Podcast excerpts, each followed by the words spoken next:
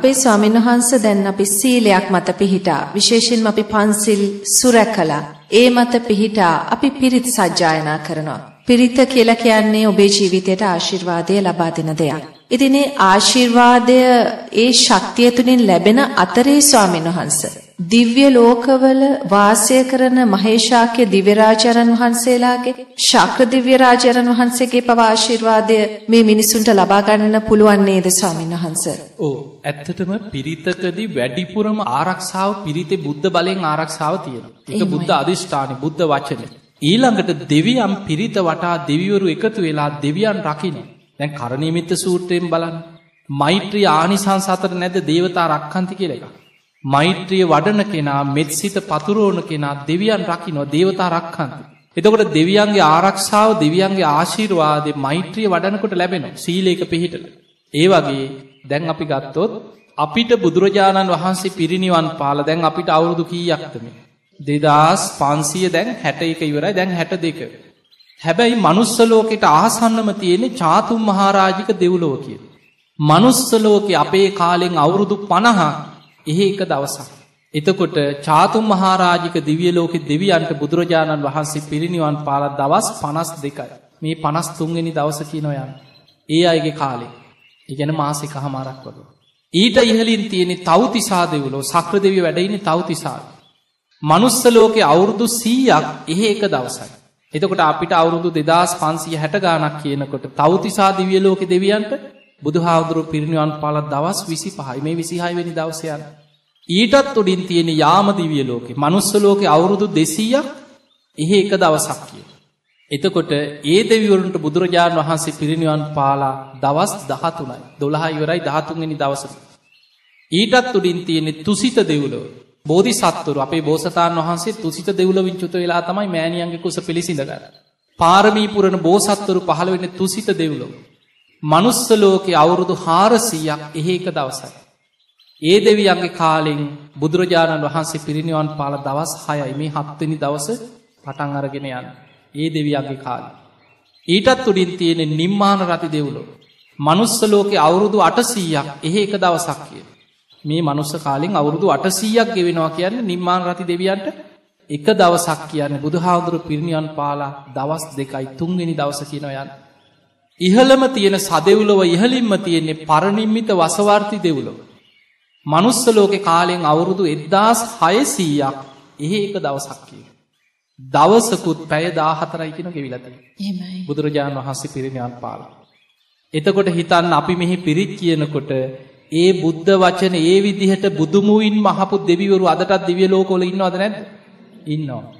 ඒ දෙවියන් තමයි අතුරු සිදුරු නැතුව පිරෙන් ධම්ම චක්ක දේශනාව කියනකොට ඒ දේශනාව අහන්න ඉදිකටු තුඩක් තරම් සියුම් දිවිය ශරීර මවාගන්න වනාකින දෙවියන්ට අහස ඉඩ නැතු. දස දහසක් ලෝක දහත්තුවල දෙව් බමුණෙන් අහසම පිරිලගයාකි. දහාට කෝටියක් දෙවියන් ඒ දේශනාව අවසානය මාර්ග පල් ලැබුව කිය.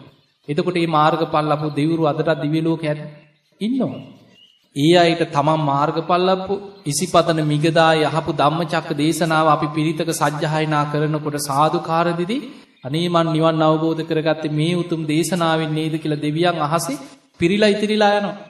ඒ නිසා මේ පිරිත්තකදී දෙවියන්ගේ රැකවරණය පුදුම විදිහට ලැබෙන.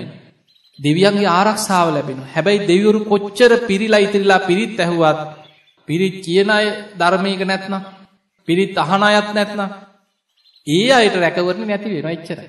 දැන් ගොහෝ පිරිත්ගෙවල්වල වෙලා තියෙන්නේ පිරිත් අහන අය බලා කිය පල්ලා කියලා නිදී. එහෙමනනේ ස්වාමිනස දැන් වෙන්නෙම සාමාන්‍යයෙන් ඔය දේනේ. පිරිතක් සංවිධාන කරන තැනක පිරිත සංවිධාන කරලා රෑ 12 වෙනකන් පිරිත් අහන්නේ නැයත් ඉන්නවා. සමහර වෙලාවට 12 නෑ පටන් ගත්තට පස්සේ චුට්ටක් ඉන්නවා. ඊට පස්සේ අහු මුළු වල තැන් තැන් වල ගමේම හැලී ටික එතන තමයි ඇදලා දිගාරින්නේ. අහල පහල පැනලා ගියවුන් ගැන අහල පහල ප්‍රශ්න ගැන අනුන්ගේ කුණු ගොඩවල් ඔක්කොම පිරිත් ගෙවල් වල තමයි දිගාරින්නේ. ඊට පස්සේ සමහරු හිමින් එළියට යනවා. පිරිමි ටික අහු මුළු වල පිළිකණු වල තැන් තැන් වල වතු වල ගස් අස්සේ බොනවායිකෝ බේබත්තු. අරහෙ පිරිත් අනේ හාමුදුල්ල පිරිත් කොටුවට යහපතක් වෙයි. පිරිත් මණ්ඩ පේටයි පිරිත් කියන ටික දෙනාට අර ස්වාමීන් වහන්සේලාර කොටු කරලා ඒකක් අස්සේ උන්වහන්සේලා පිරිත් කියනවා උන්වහන්සේලාට යහපතක් වෙනවා. හැබැයි අර වගේ පිරිත් කියවුවා කියලා අර අනිත් අයට යහපතක් වෙනවද? නෑ. එතකොට ඒ නිසා පිරිතක ප්‍රතිඵල ලබන්න නම් ගෙවල් පැත්තට බේබද්ද වද්ද ගන්න එපා පිරිතක් කරන කවදාවත්. ඉන්නවත් දෙන්න එපා. ඒ නිසා පිරිත් අහන්න එනවනම් සීල්වත් ගුණවත් අයට විතරක් පිරිත් අහන්න එන්න කියන පන්සිල් අරගෙන. අනිත් එක ස්වාමීන් වහන්සේ දැන් අපි තුන් සිත පහදවාගෙනනේ අපි කුසල් දහම් සිද්ධ කරන්නේ කුසල් වඩන්නේ දැන්තර පිරිතක් සංවිධානය කරනකොට ඒ සිතුවිල්ල ඇතිවෙච්ච අවස්ථාවේ ඉඳලා ඒ ක්‍රියාවක් දක්වා සාර්ථක වනතෙක් ස්වාමීන් වහන්සේ අපි සීලය මත පිහිටා සිටිය යුතුයි නේද දැන් පිරිත් මණ්ඩපය සූදානම් කරන කෙනා පවා ස්වාමීන් වහන්සේ දැන් කවුරුන් හෝ වහන්සේ කියන විදිහට මත්පැන් පානය කරන කෙනෙක් උතෙන්ට සම්බන්ධ වුණොත් අපේ සියලු කාර්යයන් වල තියෙන බලය හීන වෙනව නේද ස්වාමීන් වහන්සේ? ඇත්තටම ගත්තොත් දැන් මම පහුගිය සතියේ ඕස්ට්‍රේලියාවේ හිටියේ ධර්මදේශන වගේකට ගිහිල්ලා මෙල්බර්න් නුවර ওই සෝමහාඳුර පටන් ගත්ත බෙරික් සාක්‍යමුනි සම්බුද්ධ විහාරස්ථානේ බොහොම ලස්සන චෛත්‍යයක් හදලා තිබ්බ විශාල චෛත්‍යයක්. අපි ලංකාවේ කරනා වගේ චෛත්‍ය වන්දනා සෑ වන්දනා පින්කමක් කරා. ලංකාවේ සිංහල ජනයා වැඩිපුරම ඉන්න රට ඕස්ට්‍රේලියාවේ මෙල්බර්න්. පින්කමටත් දෙදහසකට අධික විශාල පිරිසක් බොහොම සද්ධාවෙන් සම්බන්ධ. ඔය පින්කම කරපු පන්සලේ දායක පිරිස සති දෙක තුනක් සමහරු සති තුනක් ඒ වෙනුවෙන් පේවෙන. මටත් පුදුමයි. ඒ අය මේ තරුණ අය ඒ වෙනුවෙන් සති තුනක් හැමදාම පන්සල්ට ඇවිල් හවස පිරිත් කියල. ගෙදර බ්‍රහ්මචාරීව ජීවත් වනේ සති තුනම. එතකොට බලන්න දැස් අපි මෙහි ලංකාව අපි පින්කමක් කරනකොට දවස් දෙකක් තුනක් තමයි අපි එක්ක දවස් තුනක් පේ කරලා ඒ අය වෙනම සීලයක පිහිටලා ඒ අයට වෙනම ගුණධර්ම රැකගෙන පංච සීලයට එහා ආජීවස්ටමක සීලේ හරි සමාදන් කරලා පින්කම වෙනුවෙන් අපි සූදානම් වෙන්නේ. හැබැයි ඒ අය පුදුම විදිහට සති තුනක් හතරක් ඒ වෙනුවෙන් පින්කම වෙනුවෙන් කැප වෙලා. ඉතින් ඒ නිසා ප්‍රතිඵල උපරිමෙන් ලැබෙනවා. ඒ කියන්නේ සමහර දැන් මුල අවස්ථාවේ ඉඳලම අර හොඳ බලවේග දෙවිවරු මේ කාර්යයත් එක්ක එකතු වෙනවා. එකතු වෙනවා. ඒ නිසා ඔබ ගෙදරක පිරිතක් සැලසුම් කරත් පිරිතට සතියක්වත් තියලා ගෙදර ඔබ ගෙදර පිළිවෙත් පුරන්න. ඒ ගෙදර පිරිත් කාලේ හරි හැමදාම අපිට හදන්න බෑ. ඒ පිරිත් කියන කාලේ හරි පිරිතට කලින් හැමදාම ගෙදර සුවඳුන් ටිකක් අඳලා හොඳට ගෙදර මල් පහන් පූජා කරලා ගෙදර ඉන්න අය හරි තුනුරුවන් වන්දනා කරලා හොඳට පිරිත් ටිකක් කියලා බුදුන් ඇඳලා දෙවියන්ට පින් දෙන්න අනේ අපි තව දවස් 7කින් මේ වගේ මේ ගෙදර පිරිතක් කරනවා. ඒ නිසා අපිට මේ කරන්න සූදානම් වෙන මේ පිරිත කිසිම කරදරයක් නැතුව අපිට කරගන්න ලැබේවා කියලා දෙවියන්ටත් පින් දීලා ඔබ ඒ දවස් කීපේ හරි පිරිත ඉවර වෙලා කාලයක් යනතෙක් හරි ආශිර්වාද ලබන්න ඒගේ පිරිසිදු කරගන්න. ඔය පිළි ජාති වලින් ඒ කාලේ හරි ගෙවල් ආරක්ෂා කරගන්න. ගෙදර ඉන්න අය හරියට පංචශීලයේ රැකලා පිළිවෙලකට ඔහොම කරොත් ඔබට තේරෙයි ප්‍රතිඵල ලැබෙන තරම්. සමහරු කියන්නේ Tamanට නෙමෙයි. හරදර තියෙනවා මේ භූතය පෙරේතය හරි මොනුන් හරි මේ ඇති මුන්ටික පන්නල දාන්න ඕන එතකොට පිරිත කියන්නේ භූතය පන්නන්න ගෙදර ඉන්න අයගේ චරිතය එහෙමමයි ඒ කියන්නේ සිතුවිල්ල එතනද මෛත්‍රිය කෙනකින් එතනින්ම ඈත් වෙනවා නේද ඒ කියන්නේ මේ කිසිම හැඟීමක් සද්ධාාවක් පිරිත ගැන ගෞරවයක් එහෙම මොකවත් නැහැ සමහරලාට ගම්මානවල ටිකක් තියෙනවා ගම්මානවලට පැරණි විදිහට ගොඩනැගිච්ච. ඉතින් ඒ නිසා හැබැයි මේ කියන ක්‍රමයට ඔබ පිරිතක් කරනකොට ඔබට ඔගේ ප්‍රතිඵලයේ සිය දහස් ගුණෙන් ලැබෙනවා.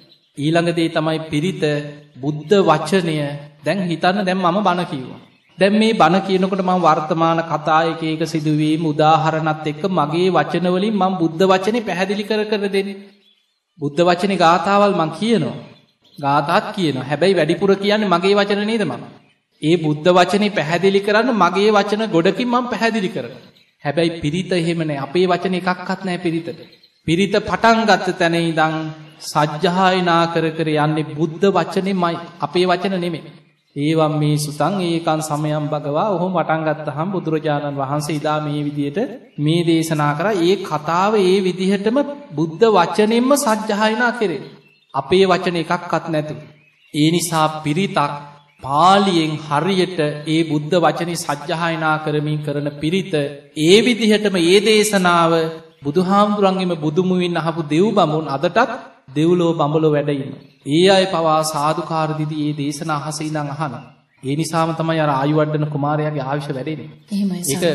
ඒ කතාව තියෙන්නේ මේ දරුවට දවස් හතයි කියනවා ජීවත්වෙන ආවිශතියෙන්. අනාගතේ පේන බමුණෙක් ළඟට දරුවා අරගෙන යනවා. අම්මා තාත්තා ළමයා පොඩි කාලේ චුට්ටක් ඇවිද ගන්න පුළුවන් කාලේ බුදුහාමුදුරු සරණ ගියායි නෙමෙයි. බමුණෙක් සරණ ගිහින් හිටියේ. බමුණ ළඟට අරගෙන ගියා. ගිහිල්ලා බමුණට කිව්වා මේ අපේ එකම පුතා කියලා පුතේ වඳින්න කියලා වැන්දුවා. බමුණ සද්ද නැතුව හිටියා. අම්ම තාත්ත වඳන්නකොට දීගායුකෝ බවන්ති දීර්ගාවිෂම වේවා කියලා අම්ම තාත්තර විතර ආශිර්වාද. එව ඇයි බ්‍රාහ්මණය අනේ අපි මේ පුතා එක්කායි පුතාට ආශිර්වාද කරවන්න. බමුණ කිව්වා ඔය දරුව ජීවත්වෙනි දවස් හතයි කිය. අනාගතයේ විශාල අනතුරක් ජීවිතහානියක් වෙන ආවිශනය කිය. අම්ම තාත් අඩන්න ගත්ත. අනේ මගේ දරුව බේරල දෙන්නකි. එතකොට බමුණ කියව මටනං වෙන දේ පේනවා බේරන්න දන්නෑ කිය මට පේ බෑකිව බේරන්න. අන්න සැවැත්නුවර ඉන්න බුදුරජාණන් වහන්සේ උන්වහන්සේ ළඟට එක්කං යන්න. අම්ම තාත්ත අඩාඩා දරුව වඩාගෙන දුවගෙනාව සැවැත්නුවරට. ඇවිල්ල බුදුරජාණන් වහන්සේ ළඟට ගිහිල්ලා ඉස්සල්ලාම මේ කියන්න නැතුව හිතේ තියාගෙන අම්ම තාත්ත වැැඳ. බුදුරජාණන් වහන්සේ දීර්ඝායුෂ ලැබේවා කියලා දෙමවපියන්ට දීගායකෝ බවන්තී කියලා ආශිර්වාද. පුතේ වඳන්න වඳන්න මේ ලෝතුරා බුදු හාමුදුරුව කියල වැැන්දෙව. බුදුරජාණන් වහන්සේත් නිහඬෝම හිටිය. දැන් අර සැකේ තවත් වැඩි. අනේ ස්වාමීනි මේ අපේ පුතා ඔබහන්සේ ආශීර්වාද කරන්නකි. බුදුරජාණන් වහන්සේ වදාලා මේ දරුවට දින හතයිකි වාවිශ. අර කතාව එතකොට බලන්නේ බමුණ අනාගතයේ පේන බමුණේ. බුදු හාමුදුරුවත් බුදු ඇසින් දැක්කා ඒ කාරණ ඒ විදිහට දවස් හතයි කීවා දරුවට මාරකයක් තියෙනවාකි.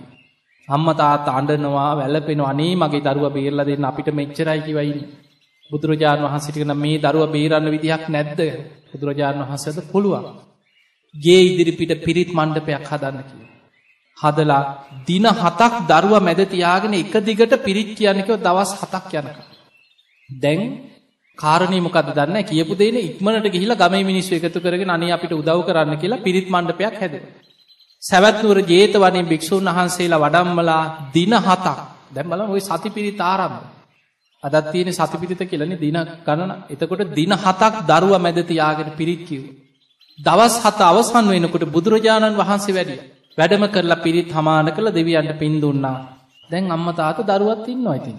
ගෙනල්ල පුතේ වඳන්න කියලා බුදුහාමුදුරන්ට වැන්දව. බුදුරජාණන් වහන්සේ ඉතනදි කියනවා දීගායුකෝ බවන්ති දීර්ඝාවිශ ලැබේවා කිවරපුතාට. අම්ම තාත්තට පුදුම සතුරුයි ස්වාමීනී අපේ දරුවට දැන් ආවිශ ලැබුණ දැන.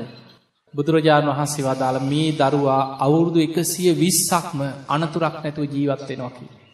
එතකොට එදාම නම තිබ්බා ආයු වඩ්ඩන කුමාරය ආයුෂ වැඩිච්ච දරුවා කියෙන නම තමයි තිබ. මේ කාරණය හේතුව බුදුහාමුදුරු පෙන්න්නනවා භික්‍ෂූන් වහන්සේලට දේශනා කරනවා මහනෙන අවිරුද්ධ කියලා යක්සේ පෙර සංසාර කරුම විපාකෙකුට යකෙක් දරුව ගොදුරු කරගන්න දින හතක් කැරකුණා කිය. ඒ ළමයාගේ අකුසලේ බලවත් එනකොට අමනුස්්‍යයට ලංවෙන් අවස්ථාවාව දවස් හතක්. ඒ දින හත දරුව මැදතියාගෙන පිරිත් කියනකොට පිරිත් අහන්න දස දහසක් ලෝක දහතුවල දෙවිවරු පිරිත් මණ්ඩපේ වටේ දෙවියන් අහසේ පිරිල පිරිත් අහනකොට දරුව ගොදුරු කරගන්න කැරගෙන යකාට යොදුන් ගානක් ඈතයින කැරකි කැරක ඉන්න වනා කියන ලංවෙන්ඩ බැරි වුනා කියන දෙවියන් නිසා. දින හත පැන්නා ළමයාගේ කර්මය අකුසල විපාක ගෙවිලා පිනක් මතුව. දවස් හත පැනපු ගමන් කර්ම විපාක ගෙවුණට පස්සේ අර යක්ෂයට ලංවෙන්න බෑ. එතකොට ඔන්න ඔය වගේ හේතුකින් තම බේරුන්නේ දෙවියන්ගේ පිහිට. එතකොට අපිට පේනවා මේ වගේ සමහර පෙර කර්මවලට එන අමනුස්ස බලවේක තියෙන. සමහරලාවට කවරු කොඩිවින හූනියන් කරත් ඕවා වදින්නේ. කරුමින් මතුවෙනකොට අකුසලයක් බලවත්වෙච්ච සැනින් අවුරුදු ගානකට පස්සේ හරි අනතුරක් වෙන්න පුළුවන්. එතකොට එවැනි දේකින් රැකෙන්න්න නං අර වගේ හැමදාම උදේ හවස අර බ්‍රහ්ම මන්තරේ මොකක්ද මෝර පිරිත උදේ හවසාරක්ෂාවක් හදාගන්න. තමම්ම තුනුරුවන් වන්දනා කළ සිහි කරලා මෝර පිරිතෙන් හිතන්න අනේ අද දවසපුරා මාව ආරක්ෂාවය. රෑට නිදාගන්න යනකොට හිතන්න අද රාත්‍රී කාලි මට අනතුරක් නොවී මේ උතුම් ගුණේ මාව ආරක්ෂාවයෝ. එහෙම තමයි අපිට යාගන්න තියෙන.